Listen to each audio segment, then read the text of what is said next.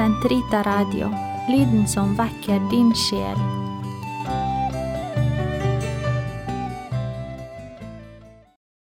Hei, og velkommen til Katolsk i hodet, episode 14, Troens historie i Norge.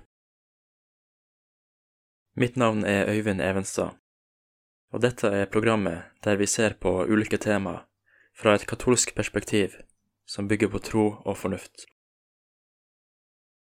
Den katolske kirke får stadig flere medlemmer i Norge, både som en følge av innvandring og ved at nordmenn, enten de kommer fra en kristen eller ikke-kristen bakgrunn, konverterer og blir katolikker.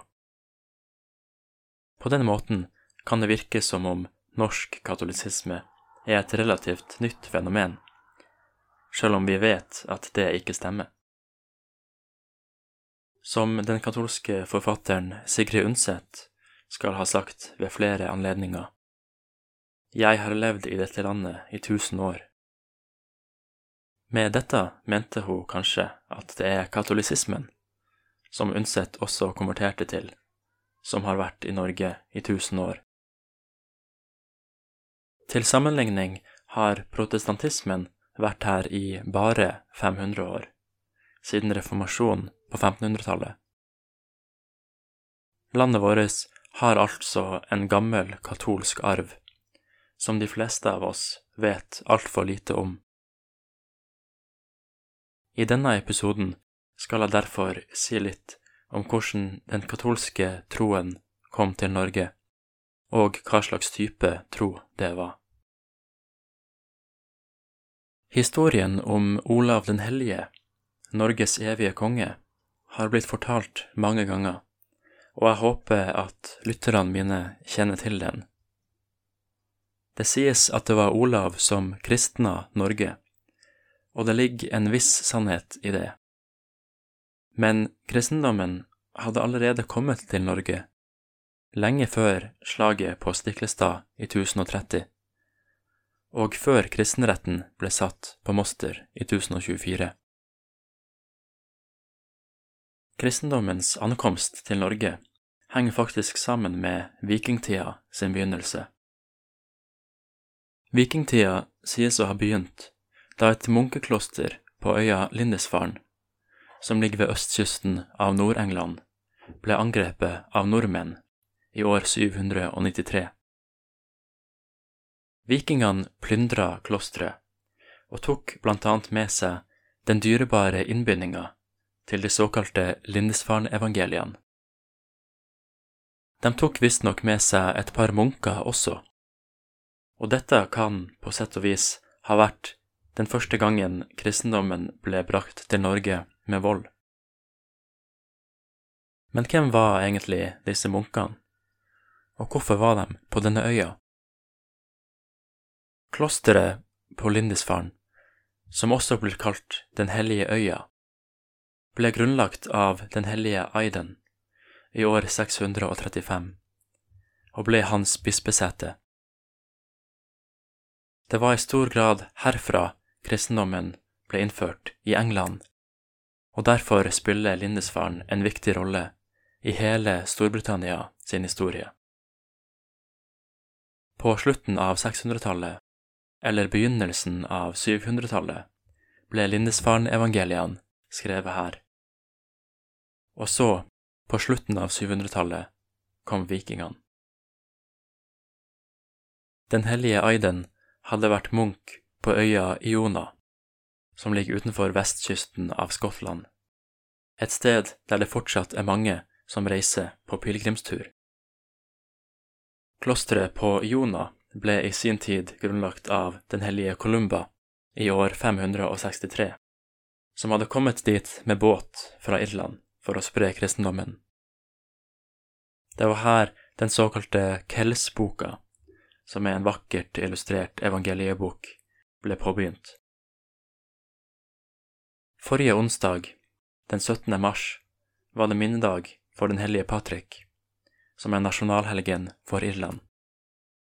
Derfor synes jeg det er passende at vi snakker om troens historie i Norge, for det går en linje fra Irland til Iona, fra Iona til Lindisfaren, og fra Lindisfaren til Norge.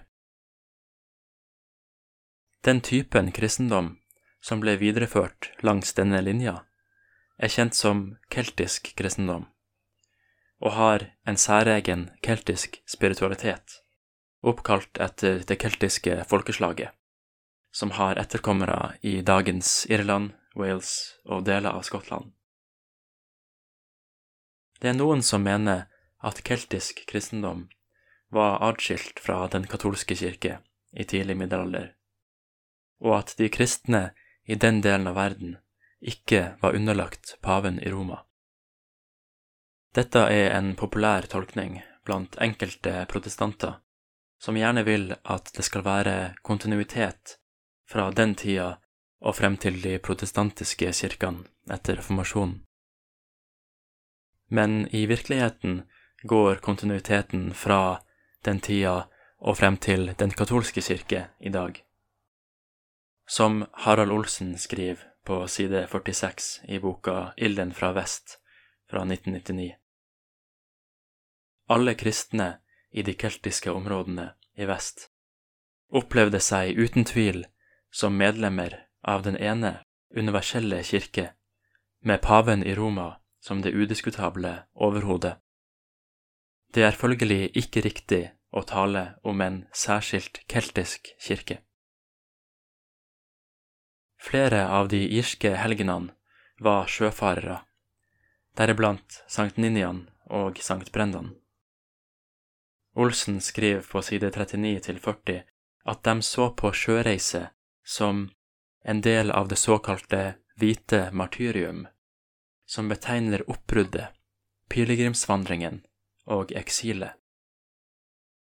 Både Orknøyene, Shetland og Færøyene ble oppdaga av slike sjøfarere som søkte Gud i ensomhet ute på havet. Og den islandske landnomabok forteller at det allerede bodde irske munker på Island da nordmennene kom for å bosette seg der på 800-tallet. Det kan faktisk hende at noen av de irske munkene også fant veien til Vestlandet i Norge, som jo ikke ville ha vært altfor langt unna. Olsen skriver på side 45 til 46 at de eldste kirkene i Bergen var viet til Sankt Columba. Han ble feiret 9. juni, og hans navn ble fornorsket til Kolbjørn. På primstaven ble denne dagen merket med en laks, og Kolumbamesse ble på folkemunne følgelig kalt Kolbjørn med laksen. Etter tradisjon skulle laksen gå opp i elvene denne dagen. Akkurat når den eldste kirka i Bergen ble bygd, og hvor den lå, vet jeg ikke. Hvis det er noen som kan fortelle meg det, ta gjerne kontakt med Sankt Rita Radio. Det har også blitt funnet keltiske steinkors av den typen som ofte kjennetegnes av en sirkel rundt krysningspunktet på Vestlandet i Norge. En annen keltisk import til Norge, som kom via sjøveien, og som mange kjenner til, er selvfølgelig Den hellige Sunniva, skytshelgen for Bergen og for øya Selja. Etymologisk sett kommer navnet Sunniva fra det gammelengelske Sungifu, som betyr solgave, og den keltiske versjonen av navnet hennes kan ha vært ganske likt. Ifølge biografien om henne på katolsk.no var Sunniva en irsk kongsdatter på 900-tallet, som nekta å gifte seg med en hedensk tyrann, og la ut på reise med sine folk i tre små skip. Som tidligere irske sjøfarere la dem alt i Guds hender, og han førte dem uskadd til norskekysten. Som jeg forstår det, var det slik at noen av folkene gikk i land på ulike steder, og det er ikke kjent hva som skjedde med dem, men kanskje noen av dem fikk til å forkynne evangeliet. Skipet som Sunniva var på, kom til Selja, og der gjemte hun og resten av mannskapet seg fra norske hedninger i en klippehule.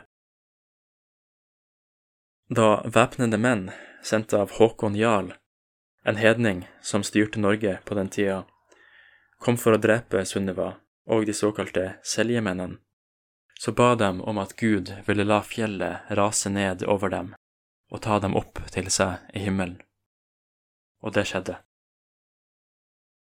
En tid seinere, etter at Olav Tryggvason hadde tatt over i 995, og Norge hadde fått en kristen konge, var det noen handelsmenn som seilte forbi Selja og fikk se et overnaturlig lys på øya. Da kongen hørte om dette, reiste han til Selja og oppdaga hula som hadde rast sammen. Det ble funnet knokler av mennene, men legemet til den hellige Sunniva var helt intakt, eller inkorrupt, som det heter, som om hun lå og sov. Relikviene ble lagt i skrin, og ei kirke ble bygd på stedet, som det snart ble knytta mange underverk til. Lenge etterpå, i 1170, ble relikviene flytta fra Selja til Bergen. Senere har Selja blitt beskrevet som et tynt sted et sted der skillet mellom himmel og jord, den synlige og den usynlige verden, er spesielt tynt, ifølge keltisk spiritualitet. Hvis du vil høre mer om det tynne skillet mellom den synlige og den usynlige verden, kan du høre på episode tolv av Katolske hode om det sakramentale verdensbildet. Hva er det som kjennetegner denne typen kristendom? og hvorfor har den tilsynelatende blitt mer populær i nyere tid? På side 47 til 53 av Ilden fra vest skriver Harald Olsen om dette, og min fremstilling av keltisk spiritualitet og min kunnskap om temaet er i stor grad basert på det han skriver der. For det første er keltisk spiritualitet kjennetegna av å være kontemplativ, ikke minst fordi den var prega av munker og nonner som levde i kloster. Siden disse klostrene lå i nærheten av, og ofte var sentrale deler av bosetninga, hadde de en monastisk innflytelse også på legfolk og deres trosliv, som følgelig ble gjort mer kontemplativt og innadretta man kan si at keltisk spiritualitet legger vekt på det indre og personlige, og dette henger sammen med et element av mystikk. At man føler Guds nærvær og kan motta budskap fra Gud eller helgena i drømmer og visjoner. Et annet kjennetegn på keltisk spiritualitet er et fokus på askese og bot i hvert fall for ordensfolket, som ofte innebar å bo som eneboer og å dra på pilegrimstur til hellige steder. Dette med å reise langt, både til lands og til sjøs, henger sammen med tanken om at man er en pilegrim på jorda, og ikke bør slå seg altfor godt til ro med livet her. Det var dette som inspirerte de irske sjøfarerne til å utforske havet. Et tredje kjennetegn er fokuset på helgena, som blir sett opp til som forbilder og etterligna. Noen av de keltiske helgenene er allerede nevnt. Patrick, Ninjan, Aiden, Brendan, Columba og Sunniva. Vi kan også nevne Sankt Columbanus, Sankt Brigid, Sankt Hilda St. Cuthbert, St. David, som er nasjonalhelgen for Wales, St. Kevin og St. Kentegelen, bedre kjent som St. Mungo.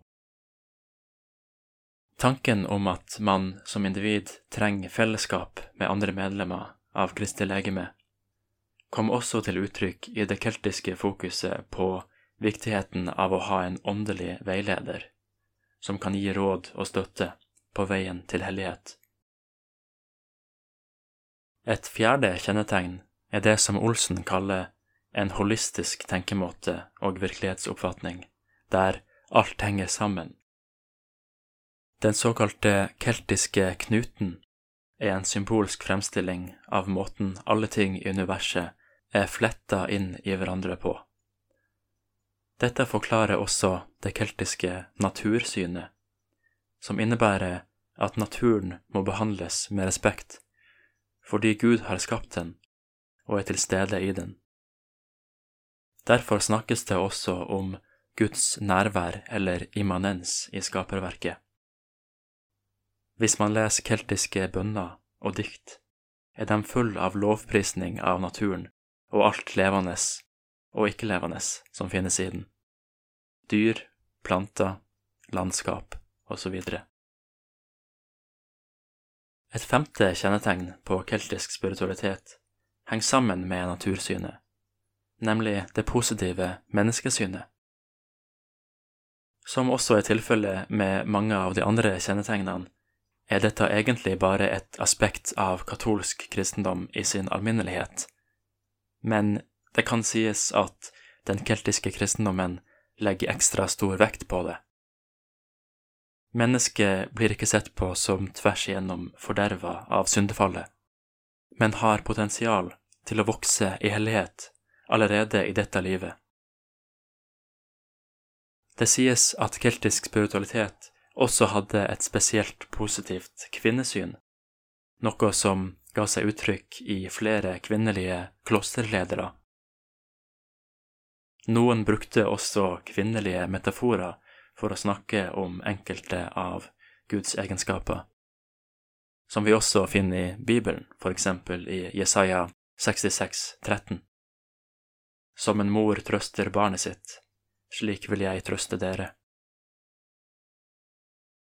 Et sjette kjennetegn er at keltisk spiritualitet legger vekt på følelser og subjektive opplevelser like mye som på fornuftig tenkning.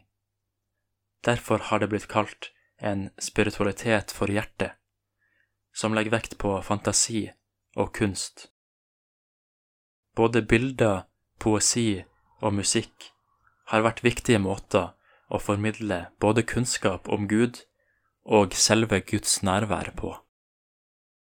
Den hellige Patrick skal for eksempel ha brukt bildet av et trekløver for å forklare treenigheten. Det kan virke som om denne typen spiritualitet har en sterk appell til det moderne mennesket, som føler seg rotløst og rastløst kanskje fremmedgjort fra seg sjøl, fra sine medmennesker og fra naturen rundt seg. Den viser oss en vei tilbake til det grunnleggende i kristendommen, og til en livsform som virker mindre kunstig, mer ekte, naturlig og sant menneskelig. Jeg kan tenke meg at den typen kristendom som kom til Norge fra vest, fra Irland og øyene rundt Storbritannia, også appellerte til vikingene som bodde i dette landet, med sin storslåtte natur og sagn og mystiske vesener som levde i skogen, i vannet og i fjellet. Det kan ha vært en fruktbar kultursyntese i Norge, som gikk tapt etter reformasjonen og som vi kanskje aldri har funnet tilbake til. Apropos reformasjon, så vil jeg anbefale boka Reformasjon uten folk fra 2018, skrevet av Henning Laugerud. Han viser at kirka i Norge slett ikke var i forfall på 1400- og 1500-tallet, at reformasjonen i stor grad ble påtvunget oss utenfra, og at folk i Norge gjorde motstand og holdt fast på gamle katolske skikker i flere hundre år. Hvis du bare skal lese ei bok om den norske reformasjonen fra et katolsk perspektiv, så bør du lese den. Jeg håper at du har fått noe ut av denne episoden om troens historie i Norge, og at dette har vekka interessen til å finne ut mer på egen hånd.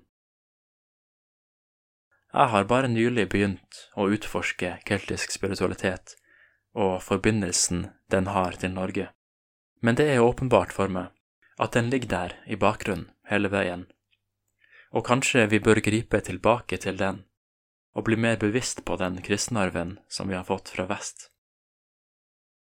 Jeg vil gjerne at også du som lytter kommer med innspill til den ideen. Mitt navn er Øyvind Evenstad, og dette har vært Katolsk i hodet, programmet der vi ser på ulike tema fra et katolsk perspektiv som bygger på tro og fornuft. Nå nærmer det seg slutten av fastetida, og jeg håper at du har prøvd å dyrke et nærmere forhold til Gud i tida som har gått. Hvis du ikke har fått det til, har du fortsatt litt tid igjen til påske. Til neste gang ønsker jeg deg, som alltid, ei velsigna uke, og på gjenhør. Vi i Senterita Radio ønsker å takke alle våre lyttere som støtter radioen økonomisk. Uten deres støtte ville det ikke vært mulig å dreve denne radioen og podkasten.